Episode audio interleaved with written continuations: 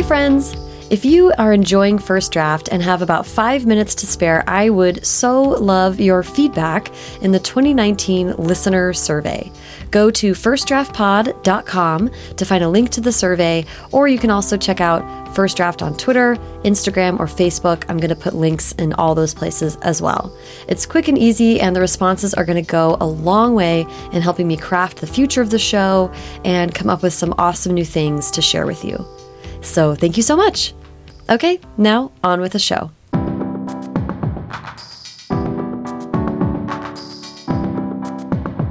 Welcome to First Draft with me, Sarah Enni. This week I'm talking to Janet Varney, Emmy nominated actor, comedian, writer, and producer who has appeared in dozens of TV shows, including as the voice of Korra in The Legend of Korra. Janet is also the co founder, creative director, and producer of SF Sketchfest, the San Francisco Comedy Festival, now in its 19th year. She also is the host of the JV Club podcast. I loved what Janet had to say about being scared of what we're not good at, uh, staying open as creative professionals, and the power in distracting yourself out of heartbreak. So please sit back, relax, and enjoy the conversation. Janet, how are you? Oh, hi, Sarah. It's I'm good to see well. you. It's wonderful to see you. Yeah, I like we um swapped houses for this one. We did. We did. It was good. It's great. Um, I'm so happy to have you here, um, and I'm going to jump right into it. Please. So, not unlike your podcast, I go back to m young lives of my interviewees. I'd love to know where you were born and raised. Well, I'm a robot, so I was created about five years ago in a lab. Amazing. Uh, I have wonderful memories implanted of being raised in Tucson, Arizona, Uh-huh. um, where I was the only child of a French professor, then just high school teacher, and my dad, who was an English teacher. Cool. Yeah. Okay, so you had like a like and my a dad's a professor writer home. too. Yeah. Okay, because that was going to be. So I, I want to know how. I want to know how reading and writing was like a part of growing up for you, but there's performance for you as well. I'd love to know kind of how all those things were at play as- in your young life. Sure. I loved reading, love, love, loved going to the library and Mm-hmm. getting books. And I just have such fond memories of like being in Prescott, Arizona with my grandfather. Um, who would take me to the library and just like the smell. I mean, so many of us have that experience, and Mm-hmm. it's. I can't believe I've become the person who's nostalgic for these things that aren't as experienced now. Yeah. but like that feel, that smell of like paper and ink, going to the library and like It's so real. I like the, so the crinkle of the uh, Yeah. plastic. Oh my god, the plastic books. covers, and I would just get the maximum every time. Like, mm-hmm. what is the maximum? Mm-hmm. Like, what are the thickest books that I could still read? You know, just like. Just devouring books Yeah. and, and loving vacations for that reason. Oh my God, Um, yeah. Right? And just, Yeah. oh, it was so great. Um, and really feeling like those worlds informed my imagination as Mm-hmm. a kid. You know, I was an only child, so I was alone a lot. And Right. so when you have all that kind of churning around, you get inspired easily, I think. Yeah. How was it expressing itself? Were you doing writing yourself, or were you? Yeah, I mean, I. My mom used to record tapes of me like when I was in the bath because it was when I was in the bath that I would tell these like very complicated stories Oh about things.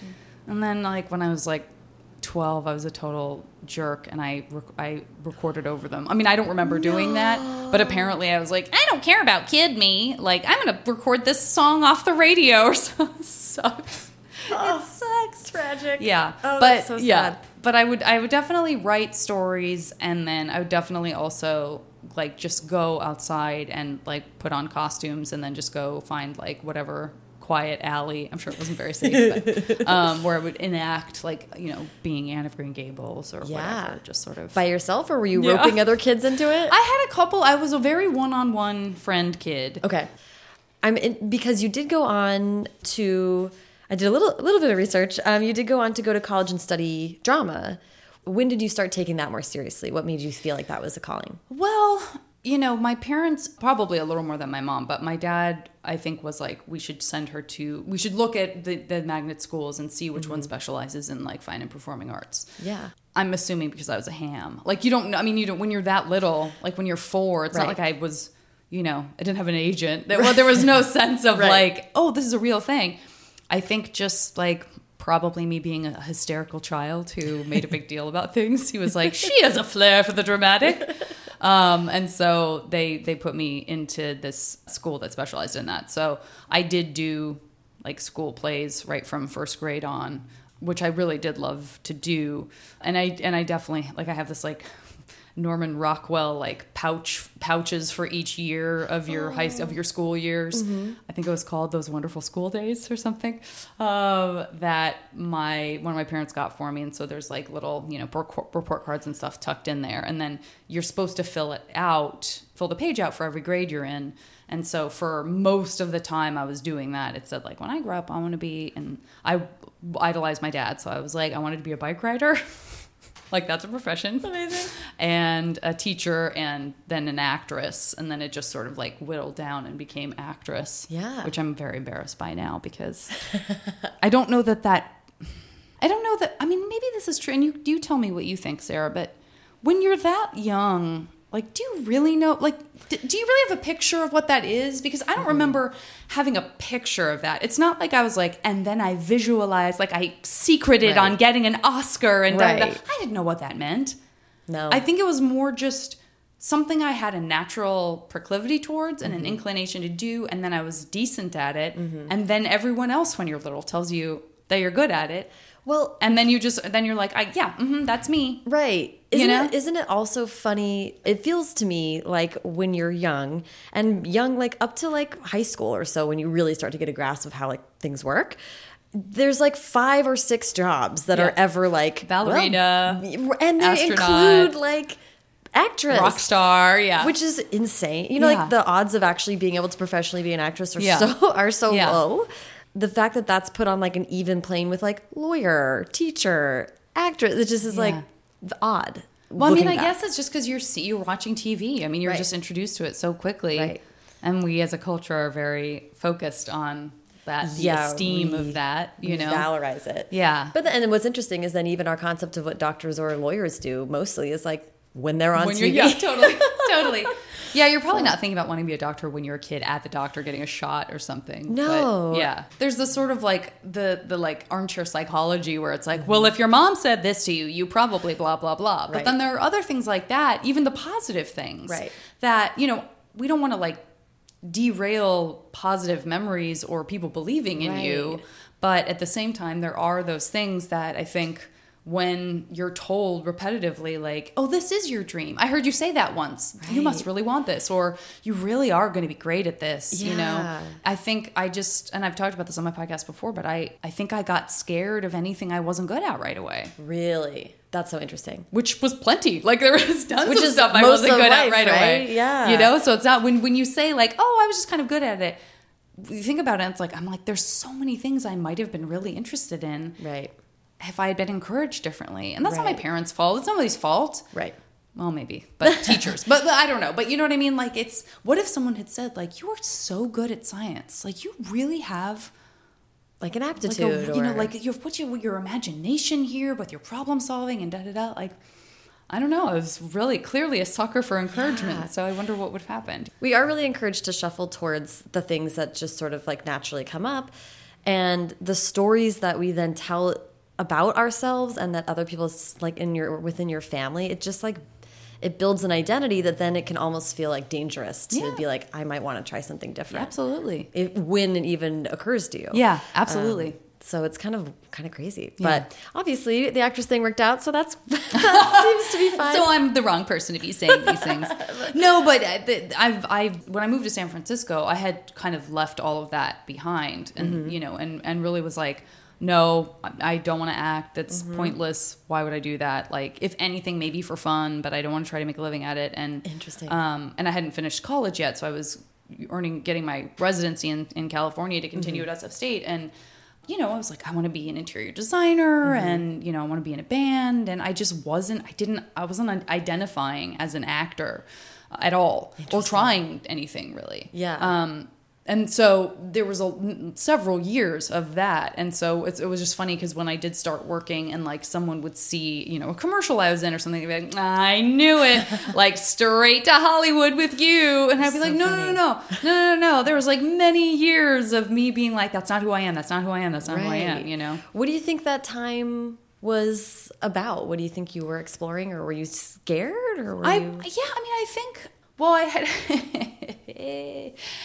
I started having horrible panic attacks at the end of my freshman year in college. I don't know. I mean, I I think it had a lot to do with the amount of pot I was smoking Oh. and also probably biting off more than I can chew in terms of like you know just the classes I was taking like I was Yeah. I found out like if you're taking a photography class where you're having to develop stuff in the lab Right. like you're going to be spending too much money and you're going to be doing that all the time Mm-hmm.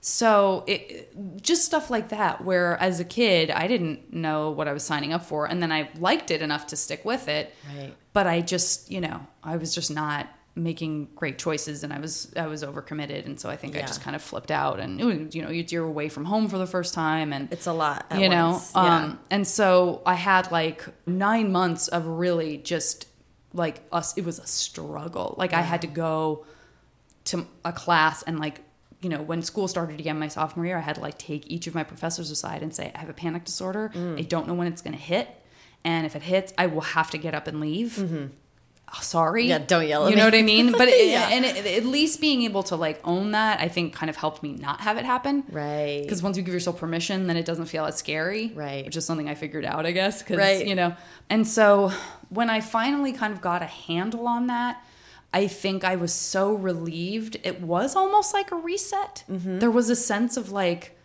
oh my God. And part of it might be Prozac, which they probably shouldn't have put me on because it activated some serious ADD. Oh, no. Where I was like, I can drop out of school. I'm fine. Yeah, but whatever whatever that moment there was this sort of like I think there was a kind of stripping down of like oh, you know, I'm I'm not waking up running Mm-hmm. Right. anymore.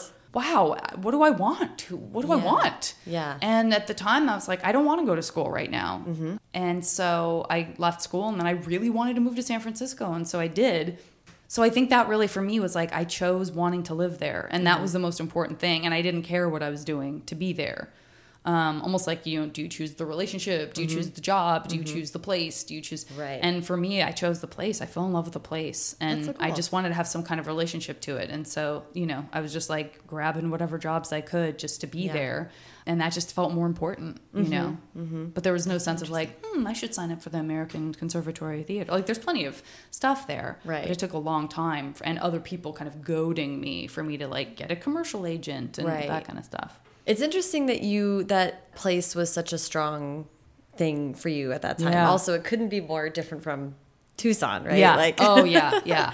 environmentally, it's Yeah. a whole shift. It really felt magical. I mean, Yeah. it felt like a fairy tale place to me when I went there. I was like 13, Mm. and I had just never been anywhere like that. I had never been to New York. I had never, you know, it was like Yeah. where had I, where had I been? Denver, you know. Right, right. My dad writes books about the Southwest, like the like old mining camps and ghost towns and stuff, like Southwestern history, and um, and so everywhere I had gone, like sort of is that. I think Right. Mm-hmm. maybe I had been to Seattle by then, but San Francisco just blew me away. It just blew me away, and so I was cool. like, oh my god, this is this place isn't real. Yeah, it's it's it has magical qualities, that's for sure.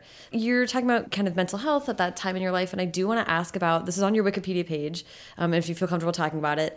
The um, it mentioned depersonalization disorder. Yeah, uh, yeah, that was that was how I experienced panic. Um, I it just felt like I was really really high. For anybody who's ever smoked too much pot and been like, oh shit, I don't want this. Um, that was what it felt like, but that began to happen to me when I was completely sober, like in unpredictable times and, and places.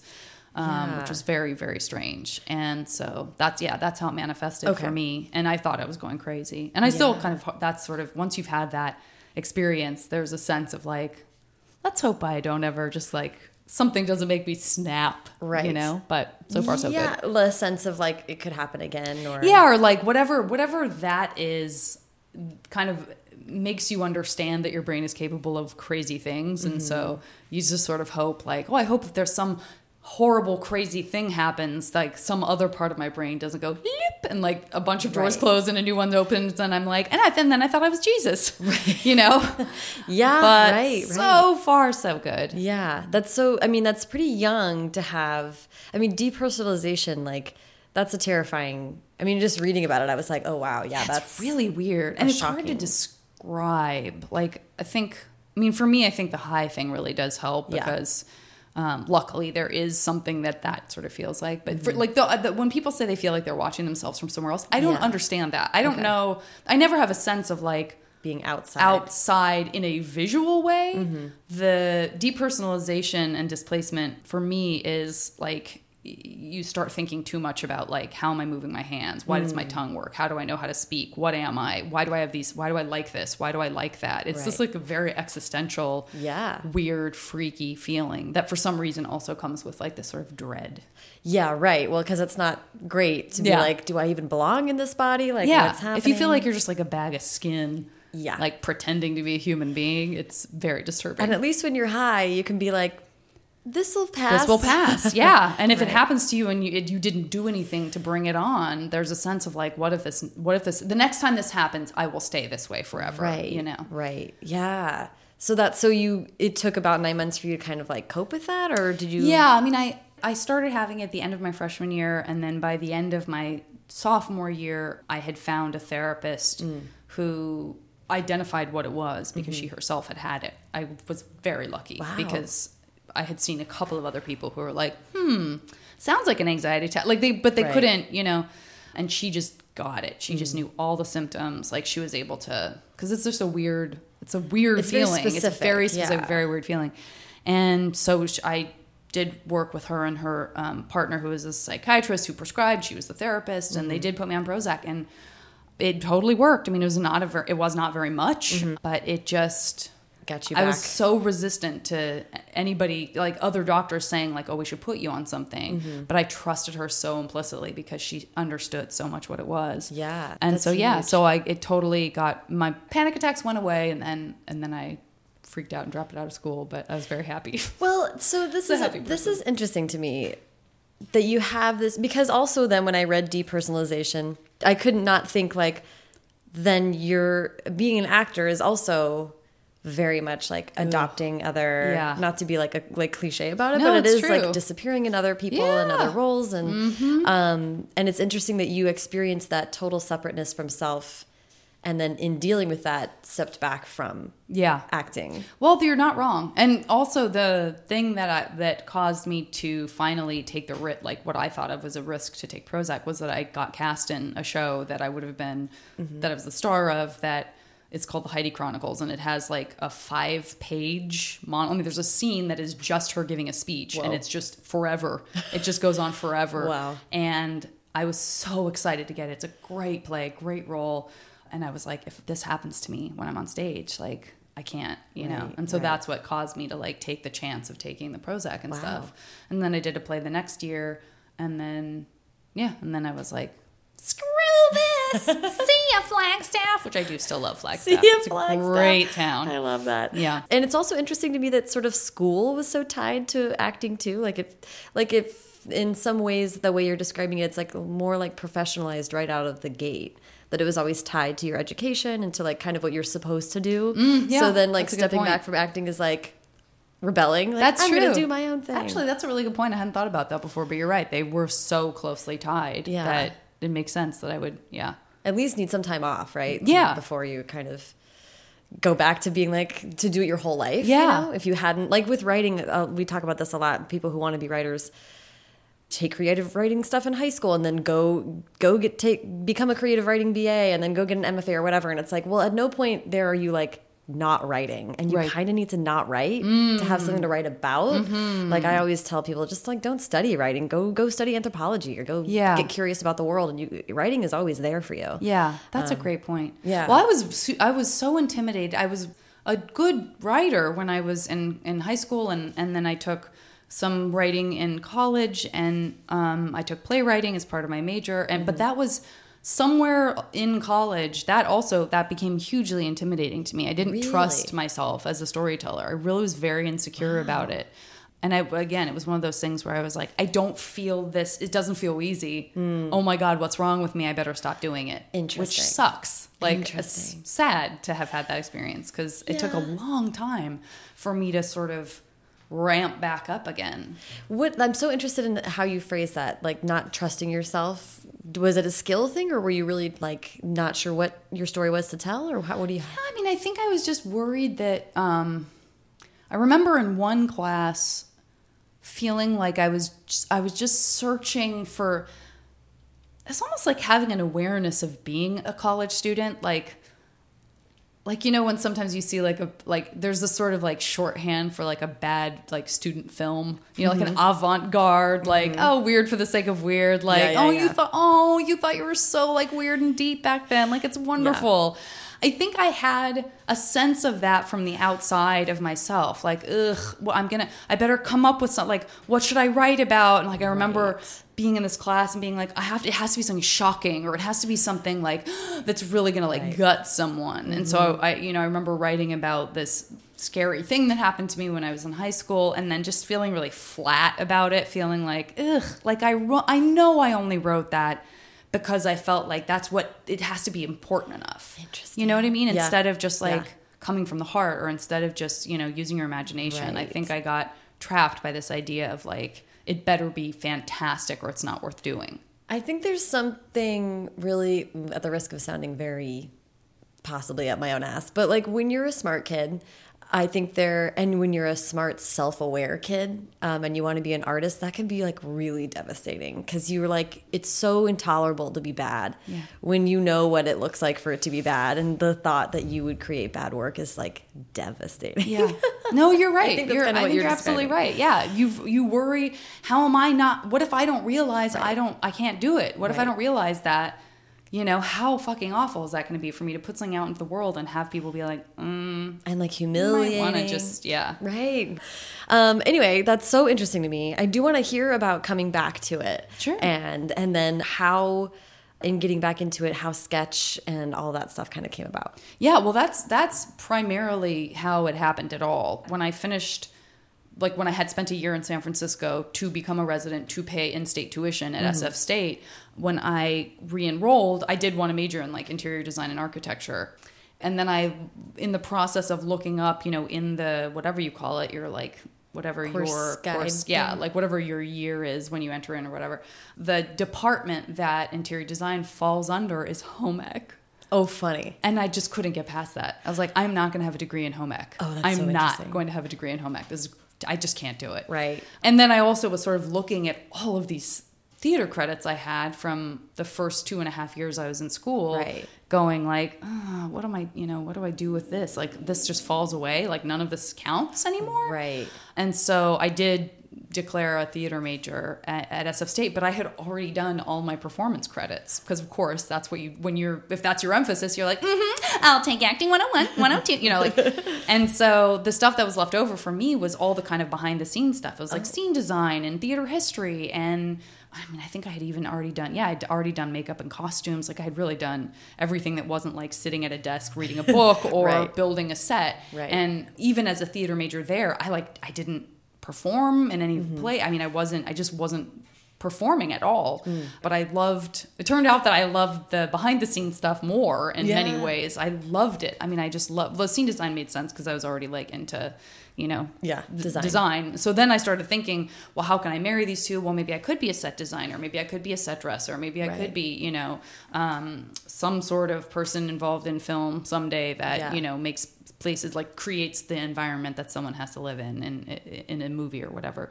But so even there, I wasn't identifying as like a performer, but I did meet some wonderful people in that department and hung out with them. And, and one of my friends, a couple of years into me being there said, you know, I want to start the sketch comedy group and you're really funny and you should be in it. And and I was like, oh no, no, no. Like I had never done improv. I had never done, and there were groups that were doing that, but I was like, mm, that's not for me. I'm a serious actor. Or you know, probably more realistically, like, oh, what if I'm not funny? Like, what if I'm funny in life and not funny at all when it counts? Mm-hmm.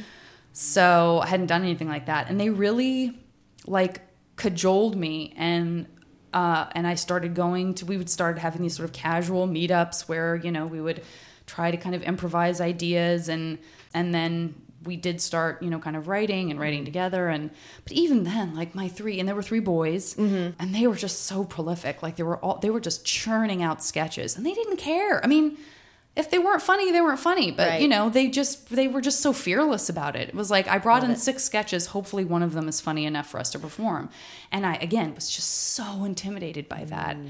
so i would write like one sketch for every 12 of theirs Mm. i would like my handshake like i wrote this Yeah. and bless their hearts they really like if i wrote a sketch they really wanted to they would be like we'll do it we're gonna do this one like they were so encouraging and so i don't know that any of them were good you know but they really supported me. And um, so yeah so we we started performing out and um, and then my friend cole who's one of the members of this group totally false people that we were in he was a working actor in san francisco. He Mm-hmm. like when things would come through town he would invariably get cast and he was doing voiceover and stuff. And at some point he was like you know you really should meet my agents here. Like they're really nice. What are you doing? Like why aren't you Mm-hmm. doing this?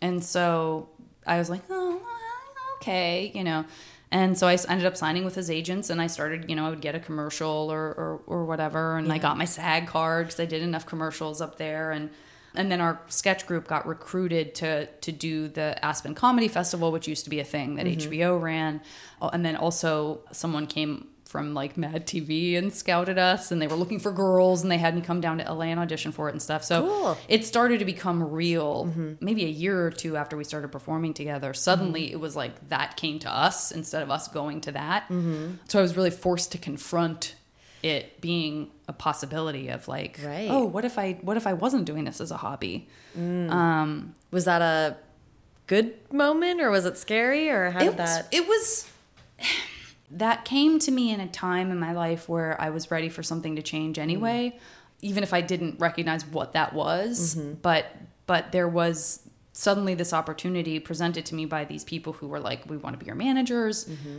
Why don't you just come down for pilot season, see what you think? You're not committing to anything, you know." And so I had friends, some of my best friends from San Francisco had moved to Los Angeles to go to FIT to go become fashion designers. Nice. And so they had this wonderful one of four, like a fourplex, I guess, in Koreatown that was just this beautiful old building. It was big. It was like three bedrooms and then a huge living room and they had a day bed and they were like, just come stay in the on the day bed. Like come be our roommate. And it was the two girls and one of their boyfriends and so, and they already felt like family. So I came down for the for pilot season, which is just the time when all the networks would make all of these pilots and then Right. none of them would go, but Right. you know, you'd be shooting something and so you just have tons of auditions especially when you're in your 20s it's mm-hmm. just like and you're mm-hmm. cute or whatever. Mm-hmm. And so i was just going out all the time and like it, w- it felt so ridiculous to me. Like i had been working i had worked as a project manager for an interior design firm and i had worked as a buyer for a fancy upscale home furnishing place and i had worked in as a producer for commercial photography. Like i'd had all these grown-up jobs all of which could have stayed my job forever uh, and then all of a sudden, I was like putting on a short skirt and like driving across town to Fox, like teetering on high heels to get like the hot mean girl on What's Your Face, you know? Yeah. Uh, and so the whole thing just felt ridiculous. Like it felt like I was hovering above my own life, sort of going, which sort of funny now, but I guess the depersonalization. But it was a sense of like, there was something very reckless about it, even though I wasn't necessarily reckless, but there was something that felt just like, oh my God, I'm just, I mean, I'm not getting paid to do this. Like, what am I doing? I'm sleeping on someone's couch. Yikes. Uh, and then I started getting close to things, and then I started getting stuff.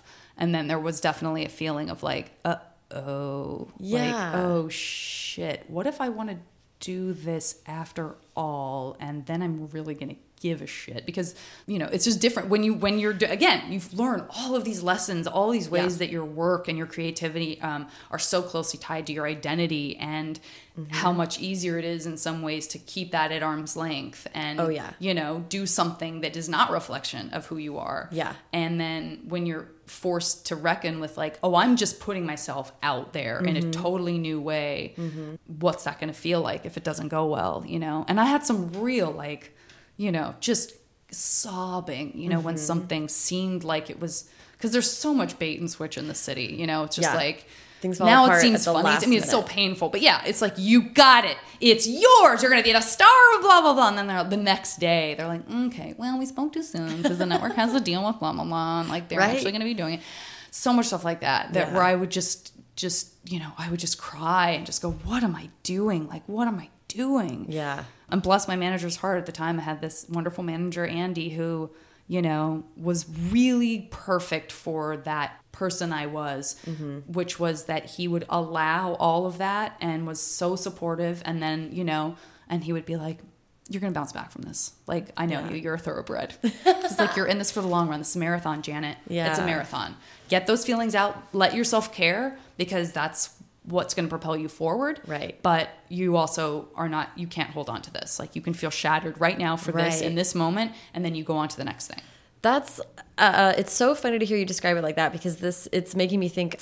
My first book came out in February, and I had like in like the three months most especially leading up to that just it was just full blown panic it was just like depression it was like could could not figure out what was happening Hmm. and then the book came out and it was just like getting to the top of the mountain and like seeing the other side and just being like oh it was just so scary Yeah. to be like this is gonna happen and you're just gonna be out there and anyone can think any kind of thing about it and I can't control it like and when I was like 34 and for the first time in my life it was like I don't have control over this thing anymore Yeah. it was terrifying. It's scary. It really is. But It's once you scary. get once you get in tune with it I feel I or my therapist was helping me so much and I was just like oh then you just have to own it Yeah. and like move forward. Yeah yeah. And there's going to be days when you know the good news is yes the longer you do something ideally the better of a relationship you have with it with Right. both your success and your failure. Mm-hmm. And the but that doesn't also mean that there aren't going to be days where you feel as bad as you did when it was the first time you ever felt that you Yeah, know and that that doesn't mean you're backsliding. It doesn't Right. mean like oh i haven't learned anything or i haven't Right. grown. That's like no you just have emotions and other things are going to inform that stuff too you know yeah yeah so so yeah, I think like the the the moment when I realized I didn't want like I didn't miss San Francisco that Mm-hmm. much and also, you know, when you live on someone's couch, you figure out like, oh, I don't miss my stuff. I don't like this doesn't yeah I'm okay. I'm I'm okay not knowing, you know, and I'm okay having just this limited amount of clothes to wear or whatever. Right. Um, and then recognizing like, oh, I need to go back up there and I'm gonna have to pack up. And I was in a relationship then with a wonderful, wonderful person who did not have the relationship to LA that I did, and he came down Wow. to try to give it a go and was miserable and moved to New York. So here these like moves have to- completely Right. impacted relationships Right. That I've been in, but you know, everybody ended up where they were supposed to be, you know, for sure. But but it was this just surreal moment of like, oh my god, I've shit on Los Angeles as a concept and a place for so long. Mm-hmm. Living in San Francisco, you learn to be so contemptuous of LA. Oh, yes. you know, and then right, real. you know, Yes. um, and then here I was being like, oh, there's like San Francisco had seemed so magical to me in such a specific way, and then LA seemed so magical to me in this completely other way. Mm-hmm. Most of which was like, there are so many people here who are so creative. There's Yeah. always something going on, and like, it felt really alive in Yeah. this way that I hadn't realized I didn't feel in San Francisco. That San Francisco, in many ways, feels very sleepy. Mm-hmm. It's a small town in many ways. So I just felt so like electrified by that, you know? Yeah. It was like this permission to just make stuff. And That's maybe it would go somewhere. Yeah. Maybe it wouldn't, but you'd be surrounded by people who all knew what it felt like Yep. to make a thing and then have it go nowhere. and you know? would take your thing seriously. and would take it seriously. yeah, if you're like, I just put, I made a movie on my phone in my backyard, people would be like, great, that can get you into a festival. Yeah, absolutely. That's not, that's not a waste of time. Yeah, it's true. It really is true. Yeah. There's that you never you never know. Part of that's infuriating. Yeah. But part of it is like, you know, I'm not a gambler. I don't like betting money, but clearly there's some part of me that must like the numbers game because Right. I've stuck with it even though you get rejected over and over and over and over and Right. over. So Right. you have to learn to, you know, really make those wins like stretch out as Yeah. long as possible across like stretch that fabric real tight across all of those chasms of despair Yep. Yep. You know? Cover right over. it. That's right. It's not there. It's not there. So I, I, I want to just touch on Sketchfest really, really quick because it's like this really sort of defining thing that you've built, and it's so incredible. What is it, and how did it start? Uh, so SF Sketchfest is the San Francisco Comedy Festival. We kept our name, even though now we do tons of stuff that isn't sketch. But we started as just that group that I was in. Two, our friend Gabe was actually working on a one man show that I loved of his. Uh, but the three of us ended up kind of starting this festival because we needed a place to perform. So we found a theater that we could rent for a month. We were like, we don't want to do something for a month. Like we don't, we're going to be so tired of our 45 minute show. Right. Uh, but we reached out to these five other groups that we had met in various like comedy clubs and other awkward places that were letting us do sketch, even though they were like, I mean, this isn't really what our audience wants.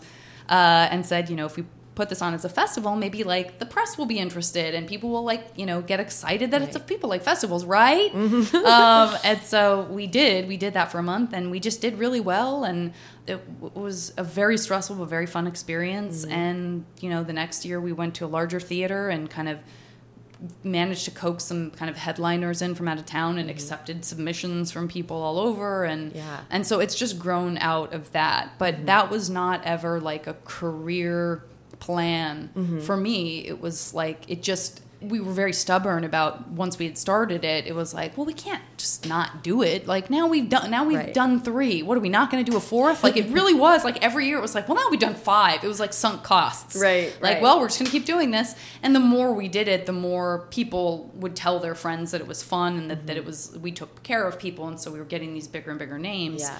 um, and that becomes you know really exciting too when you start going like oh my gosh we have this dream list and we're now we're actually checking people off the top part of it. Yeah. but it was really hard work. And there were definitely times where i was mm-hmm. like this isn't what i want to do. I don't want to mm-hmm. be working this budget. I don't want to be you Right. know settling books and paying off credit card bills and stuff. Like i didn't want to have that get in the way of mm-hmm. me as a performer and, and, and a writer and stuff in la um, and so it's i feel so disrespectful to the festival saying this but for many years it was just like a thing i was doing but I didn't want it to define me because I didn't want Right. people that I liked to think of me as a producer instead of a mm-hmm. performer. I mean, that I Right. really struggled with that.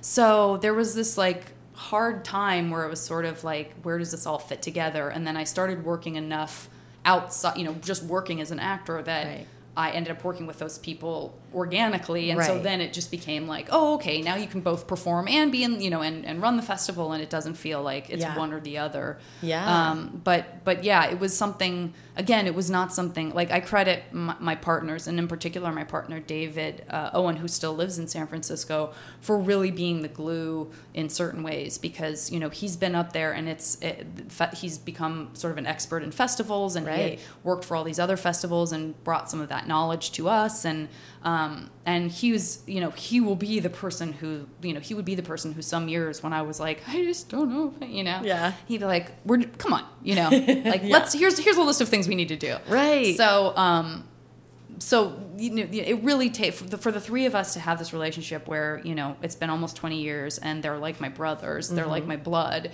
which means sometimes we hate each other, but always underneath we just love each other and like are so fiercely protective of one another. Mm-hmm. And I'm so happy to say that like instead of relationships where you know you hear about these bands who break up right when they get famous or right. these sketch groups or any you know anyone who where they end up just imploding um, i feel like that has the potential in any relationship.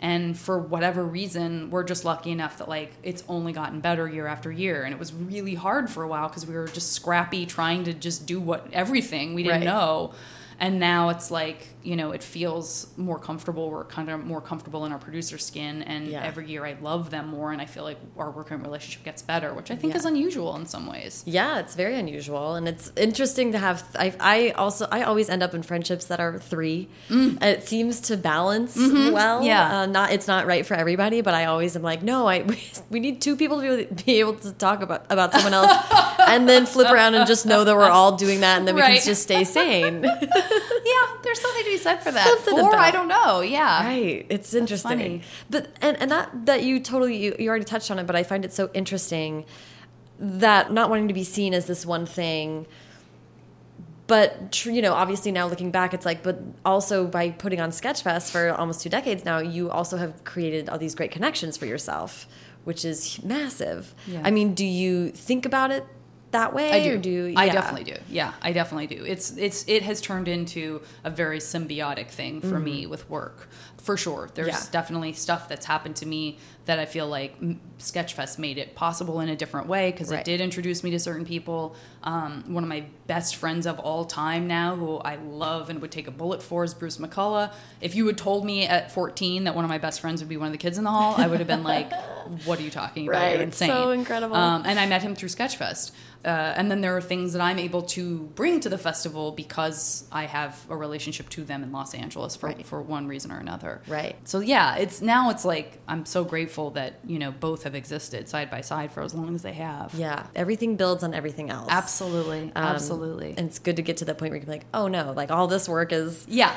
Yeah. is paying dividends in all these ways i can't even like yeah. measure or see Well, that's part of it, right? I think you and I both have this sort of like we're just open. We sort of stay open. Yeah. And that's a very different kind of existence than being very focused on Right. one thing and Right. one way to get it and one ambition and you know Yep. that's different and there's part of that that I admire because there are people who have only ever seen this one thing and been like oh I'm oh I will make it there Yeah. and they become the person who the, is the go-to for XYZ Right. you know, versus me, who's always like, well, I don't know, like uh, someone might bring something really fun to me that I would never have thought of myself, and then who knows where that'll go. So Yeah. it sort of, it sort of spreads you out in weird ways. Yeah, I agree. I, there's some part of me, right, that's like you see a prima ballerina and you're just like, what? What a dream! You've only ever wanted one thing, and Yeah. and you're Yeah. fucking doing it. Yeah. Um, but yeah, that isn't my nature for sure. I'm like a little bit more spread out. Well, and once you start feeling like you never know where inspiration is going to come from, or, or a connection is going to come from, or you know, Yeah. success is going to come from, then it's hard not to lean into that part of Right. it and just go, I don't know, I feel, I'll sure I'll take that meeting or what. I mean, whatever. Right. That makes me sound like super important, but like you know what I mean, like. but yeah, like just I'm not. to stay open. Yeah, exactly. Like, yeah, no, I'll meet anybody, right? Yeah. Great. No, I'll have coffee with anybody. But how, so I'd love to talk about acting and developing a craft, these early roles. It's kind of a broad, weird question, but I'm just interested in storytelling in this art form. How do you think about characters? How do you prepare the characters? How did you think about your expression? Um, well, it's hard because you know when you when you just want to work at the beginning, you're definitely just you know excited to get anything. Mm-hmm. I remember one of the first things I booked uh, after I'd lived here was a guest star on Busy Phillips' uh, UPN show Oh that she was a star of called Love Inc., where she played a matchmaker. And the the transition between like when I auditioned for the part who this character was, which was like it's something at a casino. I don't even remember like my significance in the show because by the end, all I can remember is this thing that they did, which was it was my first experience because it was multicam, like getting a like auditioning, getting a part, then getting the next version of the script for the table read, doing the table read, then getting a new version of the script every morning, getting a new version Right. of the script that was totally like a lot of things were changed, including mm-hmm. you're like, oh, did they?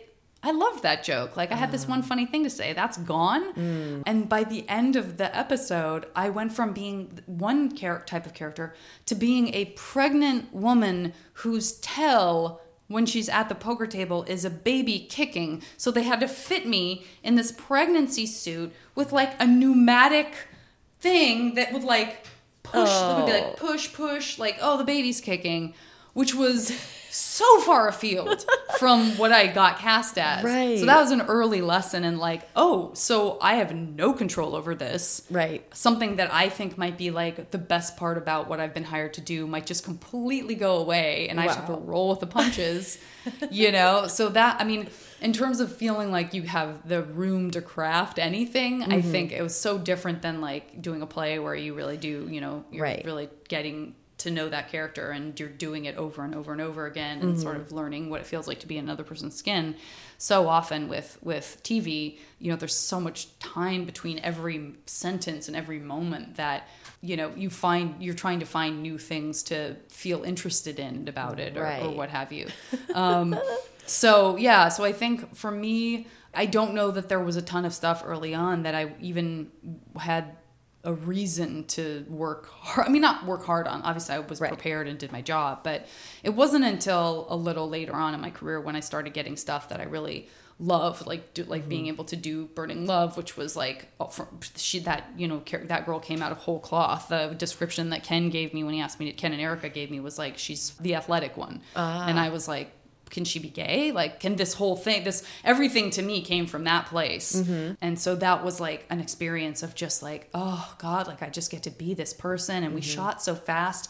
We were improvising so much that I just lived with her for a really long time. It was Yeah. great. Um, or something like The Legend of Korra, which was like, you know, this amazing show with beautiful scripts Mm-hmm. and just gorgeous animation where, you're, you know, it's the first time I would see myself really at, for any length of time, my voice being attached to something that wasn't my face. Right. Which Those is- are the things that, yeah, that really started to feel like, oh God, these are, these are the things you're proud of. These are the things that, you know, you really feel like you're doing something with. Yeah, and like Burning Love is a fun example because it's such an exaggerated whole, whole show, obviously. Yeah, but yeah. like that character, it's interesting to me to think about your you as an artist, like that someone would know Janet Varney better based on this weirdly exaggerated kind of kind of cuckoo bananas whole cast Yeah, and stuff. But yeah. that's them seeing you express yourself that way and having so much fun doing it, being like, oh. I don't know. Does that make sense? This is Yeah, I mean. I think so, I think so. If if that was definitely like it's when you get stuff where you feel like you're you're sort of dialing up and one part of yourself and dialing down another. Mm-hmm. That's really that's really fun to play with because it does. It feels she was so real to me. Like I Yeah. when I think about it, it's funny because I don't. when I think about that character, I don't think about anything funny. Like I don't think like, oh, what a kook she was. Like I when I think about her, I'm like, oh, Carly, what were you doing there? Like I feel so much empathy. You know, I'm just like, oh, girl, you wanted to make out with almost every one of those girls. I'm like, no one was into you. But then maybe Deanna's character was, but was she? Like I just really feel. I remember feeling all those feelings, like Mm-hmm. not really thinking about it as funny, like really feeling like. Ah, jeez. Like, what, if, Which is what- happening? which is what makes it funny, right? Yeah. You're like you're like the honesty there, Yeah. being able to portray that. Um, so so I love that, and then you do kind of you've gotten the chance to sort of like be a little bit more on the creative side and create things for yourself, including what I really want to hear you talk about creating Fortune Rookie because you're playing quote unquote Janet Varney, yeah, which is uh, yeah. hilarious. Yeah.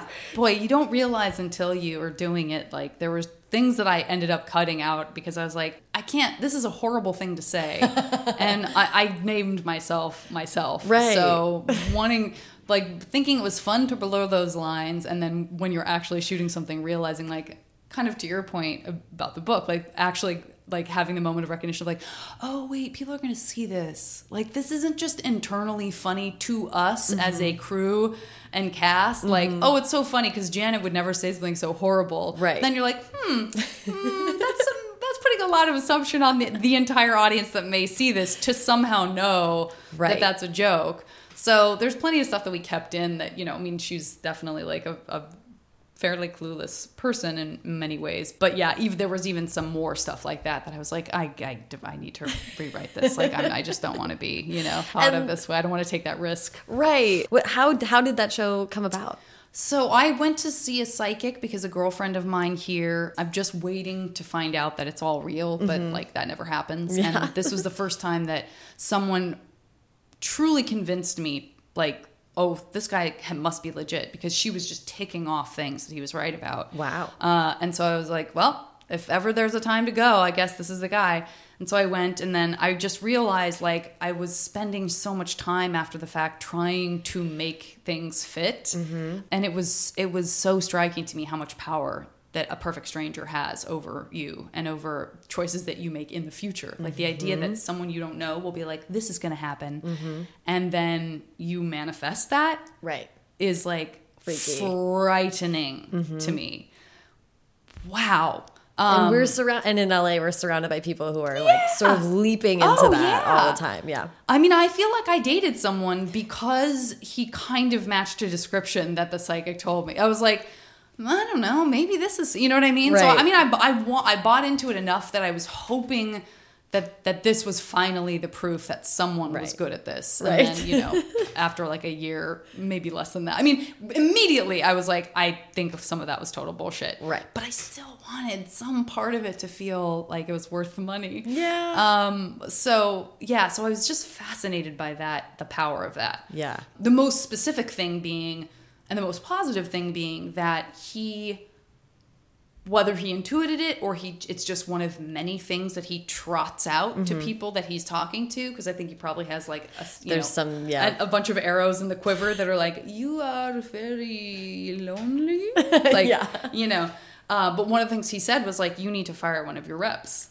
And he said that, and I immediately knew exactly who it was and that he was right. Wow. And that has nothing to do with him intuiting anything. It was just like something I'm sure he says to 25% of the people he sees because, mm-hmm. like, stab in the dark. Yeah. But it was so true. And hearing it said to me and having that concrete realization of, like, like in my gut, I was like, oh, yeah, mm-hmm. yes, I've been avoiding this with myself Yeah. and I did. I, I you know, I, I ended that relationship, and so that, but so you know, just that idea of like when someone, the best versions of those folks are telling you something you already know and giving you permission to act on them. So Fortune Rookie is she kind of So I really was like, I was just like, oh my god, it's so crazy that she you could have that much control over people. Mm-hmm. Um, and so I at- at first I wanted to do it as almost well. First I I wanted it to. I didn't want to be in it. I just wanted to write like a sitcom about you know Mm-hmm. a, a girl who's grew up in a family of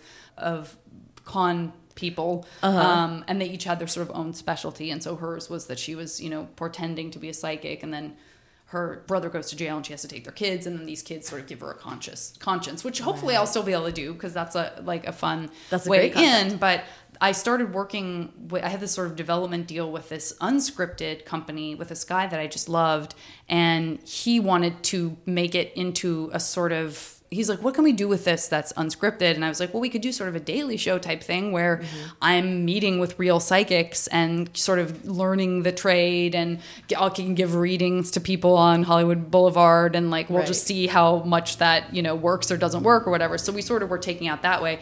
And then I sort of added this sketch component where it was going to be like, all of that would happen, but also there would be a, some sketch where, like, you know, Kristen Schaal is actually playing someone totally different, and I'm reading her fortune.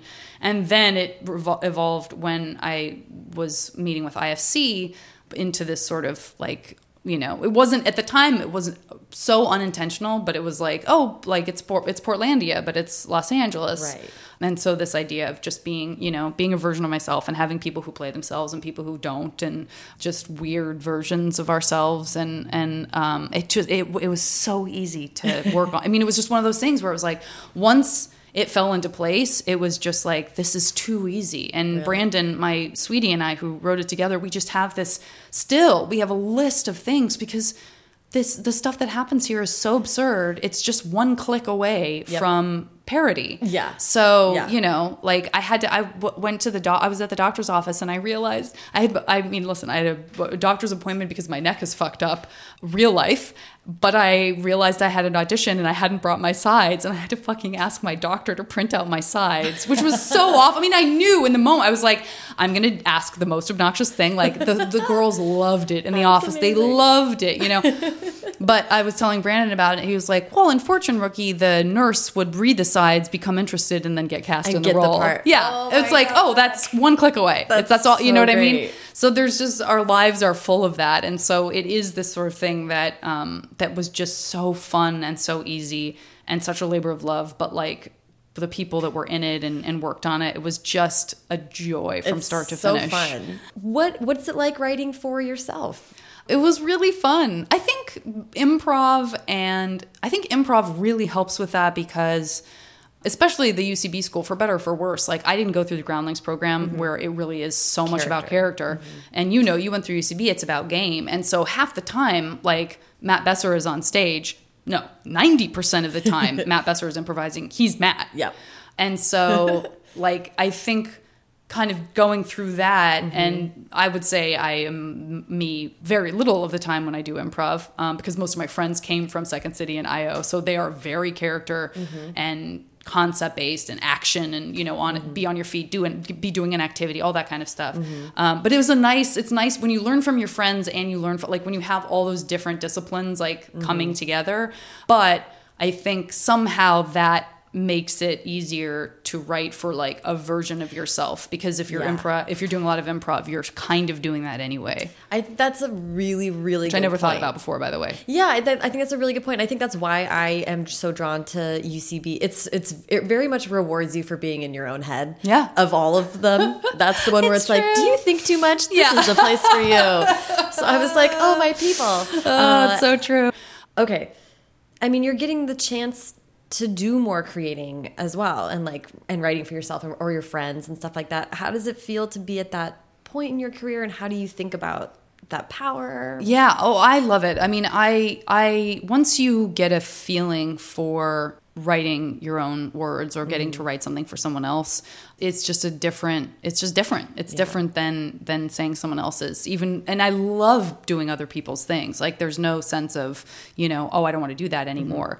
But there's something so special about writing. I mean, it mm-hmm. really is like all of the experiences you have where like one day you don't feel like you know where something's going to go and you just mm-hmm. sort of you know beat your head against the wall and then some days something just pours out and you're like i don't even you know and then a, a year later you find something you're like i don't even remember writing this. This is pretty good. Like you you forget. Yeah. if you're just doing it enough you forget what you've written and then you can look back objectively and and not be so mean to yourself because it really does feel like someone else wrote it. Right. so you are able to go like hey like i remember after i wrote this i felt really insecure about it but now that i'm looking at it and i have no memory of it this is great. Let's do something with this. Yeah. like all of those things are really exciting. We just my uh, brandon and our other partner ryan that i've written and produced stuff with in the past we sold a, a pilot and we've just finished turning in our, our most recent draft of it to to the network. And all of the cliches are true. Like i love all of the characters. Mm-hmm. I feel like i know them. I want so much to see them come to life mm-hmm. you know and feeling like when those and just the process too of writing like again that's something that i really wasn't good at. It was like if I wrote something and it wasn't good, the first thing I wrote, I would just be like, well, that's garbage and throw it away rather than, and that's why I love crosswords actually, is because that's the first thing that I, I understood I could walk away from something and come back and have an answer. Like I mm. never, I was never a chess player. I was never, I was never like mm-hmm. going to be like, hello, old friend. Three years ago, you moved the queen to blah, blah, blah, but I've been thinking about this for three years. Like, you know what I mean? It was like, you that. play you play Clue, you figure out who did it or you didn't, and then your game is over. Right. And crosswords really are like you can look at something and you can be like, I cannot complete this. I have no idea what these Yep. clue means. And then some you go off for two hours and your life happens and you come back and you're like, oh, it's the Dukes of Hazzard. Like, why didn't I see that? But that is not dissimilar from writing, which Mm-hmm. is it doesn't have to be perfect. You can get it out, get it out there. And if you're Yeah. A collaborator, even better, mm-hmm. because someone else is going to go, not that, but this. And you go, oh, yes. And they're like, aha, but I never would have thought of that if you hadn't brought this in. So thank mm-hmm. God you're telling me your stupid ideas because we're going to make gold, you know? Yeah. That whole process is such a revelation to, to go, oh, you know, I, you write a draft of something and then you walk away from it and then you can come back with a critical eye and actually say, you know, I'm going to kill these babies. I'm going to kill these jokes. Like Yeah. they don't work, but what about this? You know, all of that stuff is like, it feels so grown up to me. Yeah. Oh, that's interesting. But it feels like it came late. Like I'm not a person who regrets, but I definitely am like, oh, like I do have a sense of, oh, I've missed I missed out on this earlier. I should have been doing more of this because it's completely satisfying on just a totally different level. Yeah. You know? But it's interesting that, you know, in some ways too you needed you need to fill a well in order to appreciate what you're doing. Yeah. There to some degree and you you bring so much more to it now having been on the other side.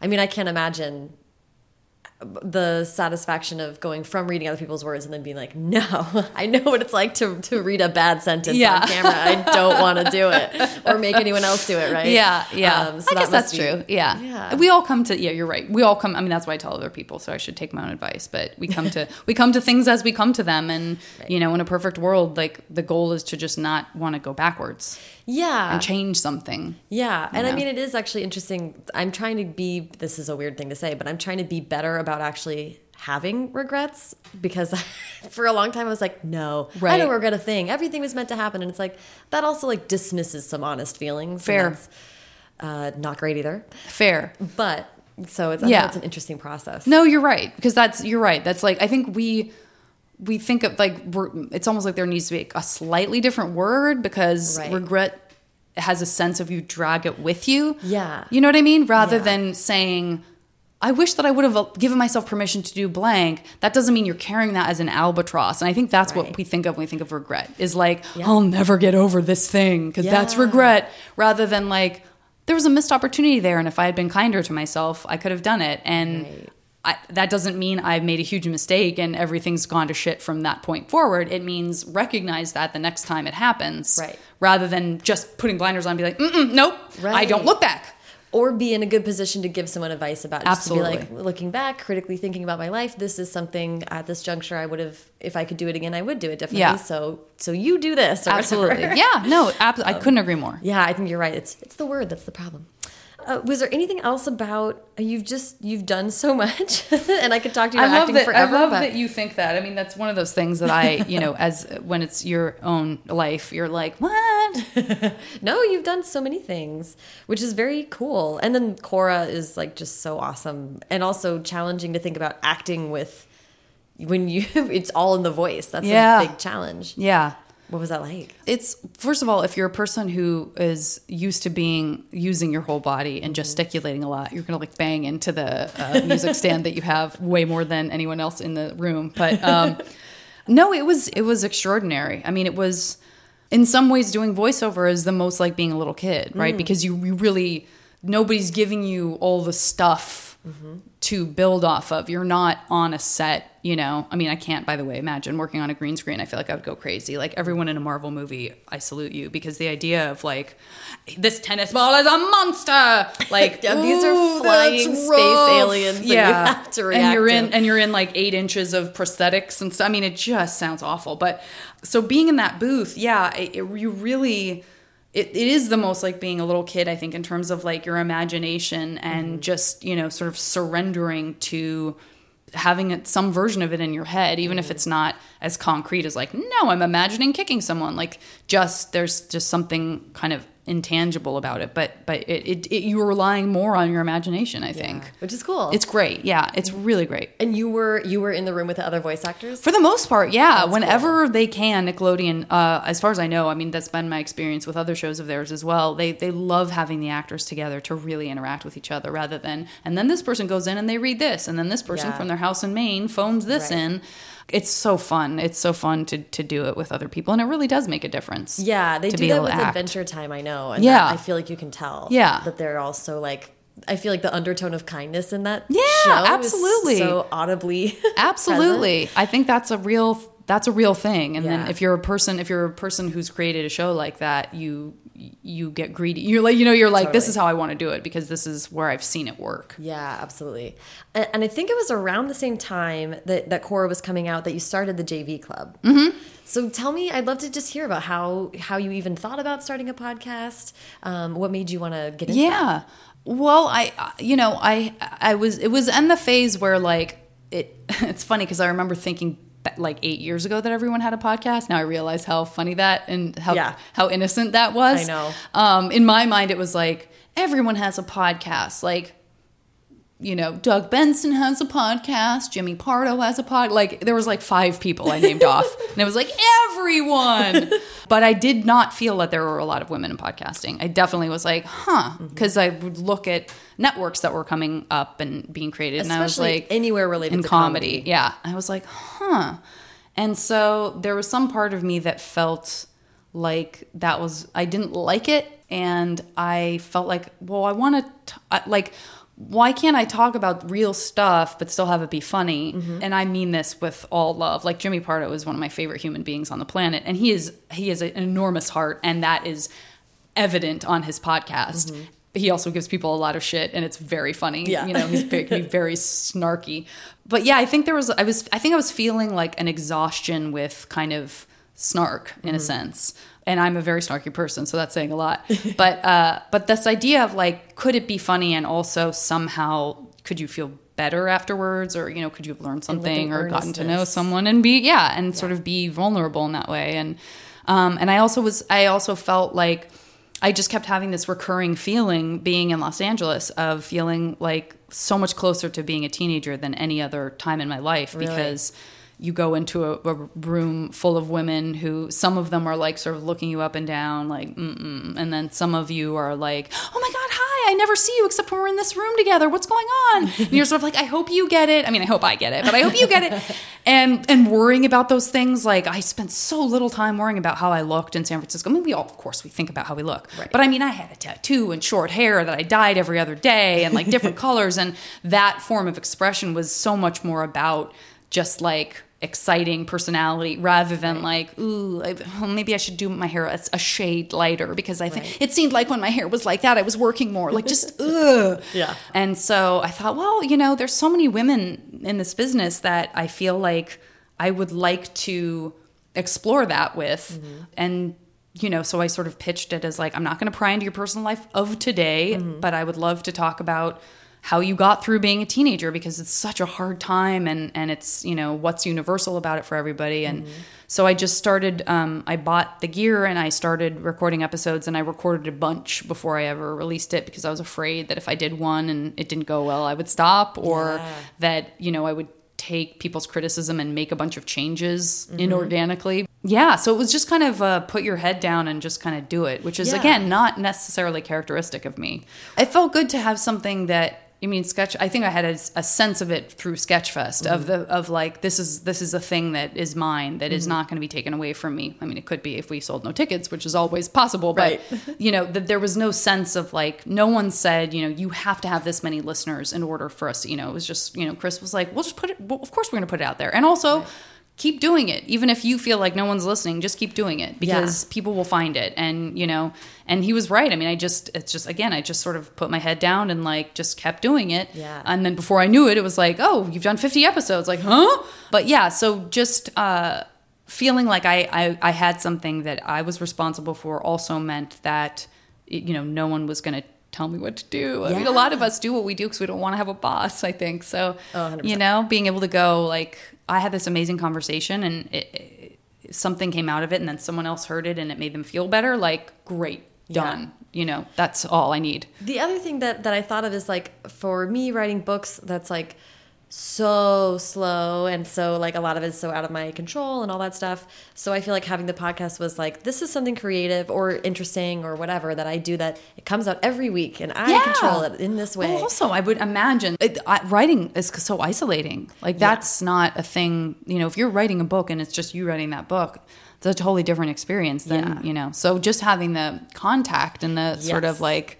yeah, understanding and here to, speaking to other writers and all Yeah. that kind of stuff. I would. I mean, I absolutely. I think I would be inclined to do the same thing, just to Yeah. be connecting with the world on you know in some way. But then you also are, it's not, you know, you're not waiting on an exec. You're not like Yeah. waiting on scripts or having lines changed. You're like doing your own thing. Absolutely. And it, I mean, what's it like to also to be converse to your other um, jobs and performances? This is people getting to know you, just you. Yeah, yeah. That's. I think that's the part that feels. That part felt the easiest to me because I just never. I've uh, the whole idea of like the mystique of a person who's working in show business and stuff. I think there's plenty of. I mean, now is there a version of that that's like the bad version, which is a bunch of reality shows where people are like, you know, getting Right. drunk and Yeah. like, that, that, that as if that's real somehow, like Right. as if watching someone get a manicure is like, and now I'm real, now I'm seeing the real them, which maybe some people will argue, no, Janet, you're wrong because I don't watch like the Housewives. I have plenty of friends who love them, Mm-hmm. um, but the the idea of like, you know, feeling like I had to hold something back didn't uh, you know and i'm sure that there are plenty of people who are like ugh oversharer you know. But it, it doesn't once you have you know you can have people say that but but when someone says like thank you so much for sharing that you know i really needed to hear it in a really hard time you i think in some ways like some people talk about you know kind of having ki- kids and stuff it just the other stuff becomes so much quieter and so much less important. You're like okay but also this Yeah. also this person you know if, if i touched someone and made someone feel like empowered to do something then like sorry, I'm an oversharer. Yeah. It worked out, you know. it's very, and I and I wonder how you think about this, but I feel like like the other thing, because you and I both have, it's very similar format. We're just like having honest conversations uh, um, with largely female creators, and it's the anti-Twitter. Like long Yeah. podcasts, I I'm just like there couldn't be more context. I know. So like when you say something at minute 58, Yeah. it's like no, I have a sense of who this person is. Absolutely. I'm not going to just take that headline and like you know what I mean. Absolutely. It is. You're right. And it feels like it it I don't know if me doing it was in reaction to that, but I think there's almost certainly some unconscious Something part because of it was that like 2012 when you started, which is I think when we all started to get I really consumed. with- Yeah, it's. I definitely remember Twitter being a thing that I was like, I don't know, like what a Twitter prude. but uh, but yeah, I think that's exactly right. I mean, that's I've I've, I've I say that sometimes. Like I don't. Please don't look to Twitter for my political views. Right. Like I just am not going to be that person. I can't. Right. I don't want to. I can't be a part of the algorithm of mm-hmm. haters. Mm-hmm. And I and I know that people are doing positive things and organizing and Right. Eliciting change and all of that stuff. I know all of that's happening too, but in terms of like what my heart has the energy for and what I can survive, Yeah. I you gotta listen to the podcast if you want to hear me talk about Yeah. you know Trump's America or whatever. Like, Yeah. and that's not something that I do all the time, but. Yeah, I don't. I don't want to have to put it into a, cup like a sentence. That's And terrifying to and me. we'll talk about snark also. It's like Yeah. a reaction. Like Twitter is all snark. I, that's what I feel like wears me down the most is when I'm when you're scrolling, scrolling, scrolling, and then your inner monologue starts to mimic these like, "Uh, uh, I'll- just want to take something down, and it's like, well, that's so uninteresting, like, uh, and and wearying. Um, so yeah, I feel like because the reason I started the podcast was I was listening to Pete Holmes and Marc Maron talk to people for like two and a half hours. Yeah. and I was like, I really feel like I know these people. and Yeah, I yeah. love this long form stuff. Yes. And then to have more women doing it is like, yes. Yes, like long agreed. Lady conversation. Yeah. So we wrap up with advice. I'm just going to ask one. Um, I would love to ask you what, for, for people who are looking to maybe write for performance um, and maybe write for themselves, if you have advice for kind of how to go about doing that. Yeah. Well, uh, just circling back to what we were talking about before, just just write a bunch of stuff. I, I know that that's such a cliche, and I feel like I remember hearing it and being like, I know, but it's gonna be bad. um, just quiet that voice in your head and just do it.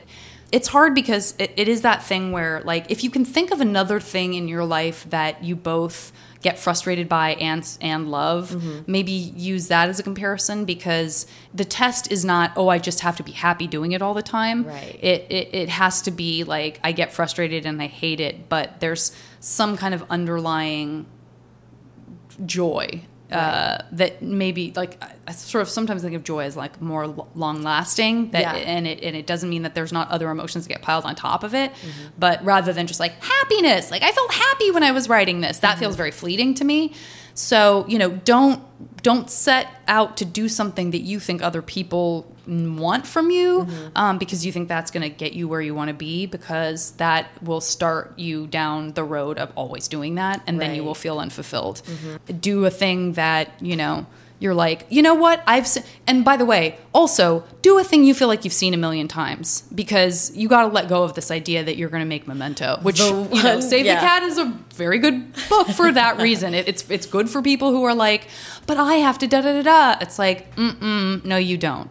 No It's you do not. You're, what's unique about you will come out. Yes. you do you should not paralyze yourself thinking that because in this world with the internet it's all out there Yeah. and the best you can do is just hopefully not plagiarize someone but also Right. don't dig deep to find all the versions of the one thing you're interested in because like then you'll just be finding ways to talk yourself out of stuff yeah. you know so put that away allow for the fact that there's like five people uh, scattered across the world who are making the same story and just do it. Yeah. And if you get and listen, you might get to the end and think it's the most extraordinary thing, and then you try to sell it to someone and they go, "We just bought that from someone else."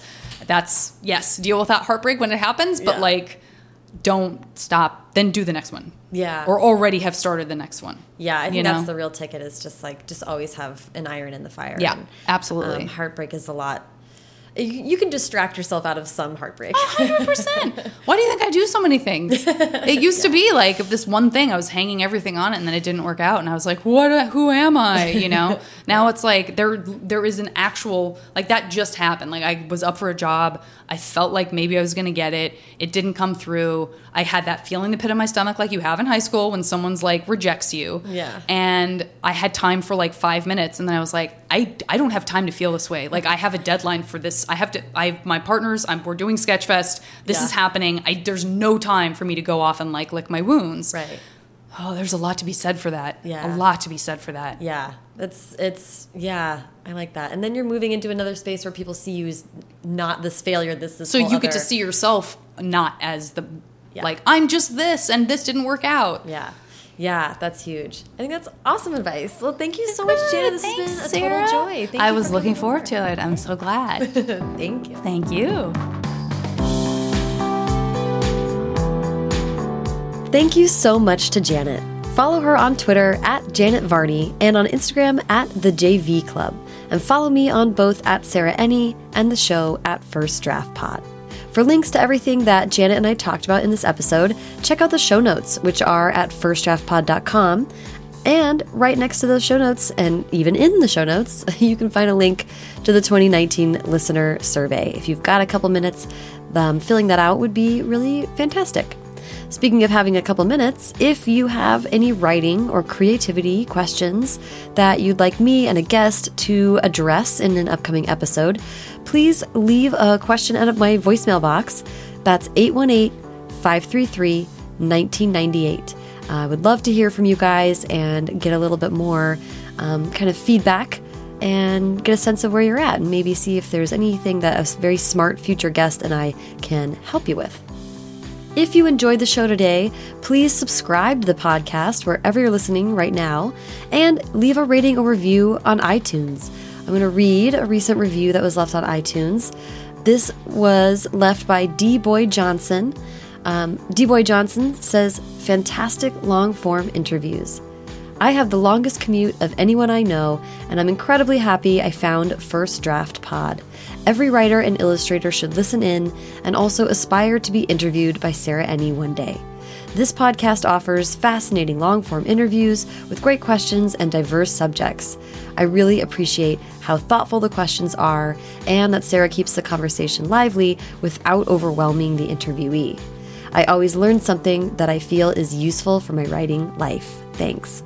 That is so sweet. What a lovely review. Thank you so much, D Boy Johnson.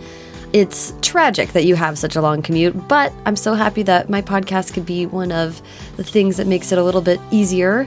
Um, and thank you for your really, really kind words about the interviews. They're very special and important to me. And um, hearing that they matter to other people is very, very affirming. So thank you so much. Leaving a rating or review on iTunes really helps boost the show and get it in front of other people who might not find it otherwise.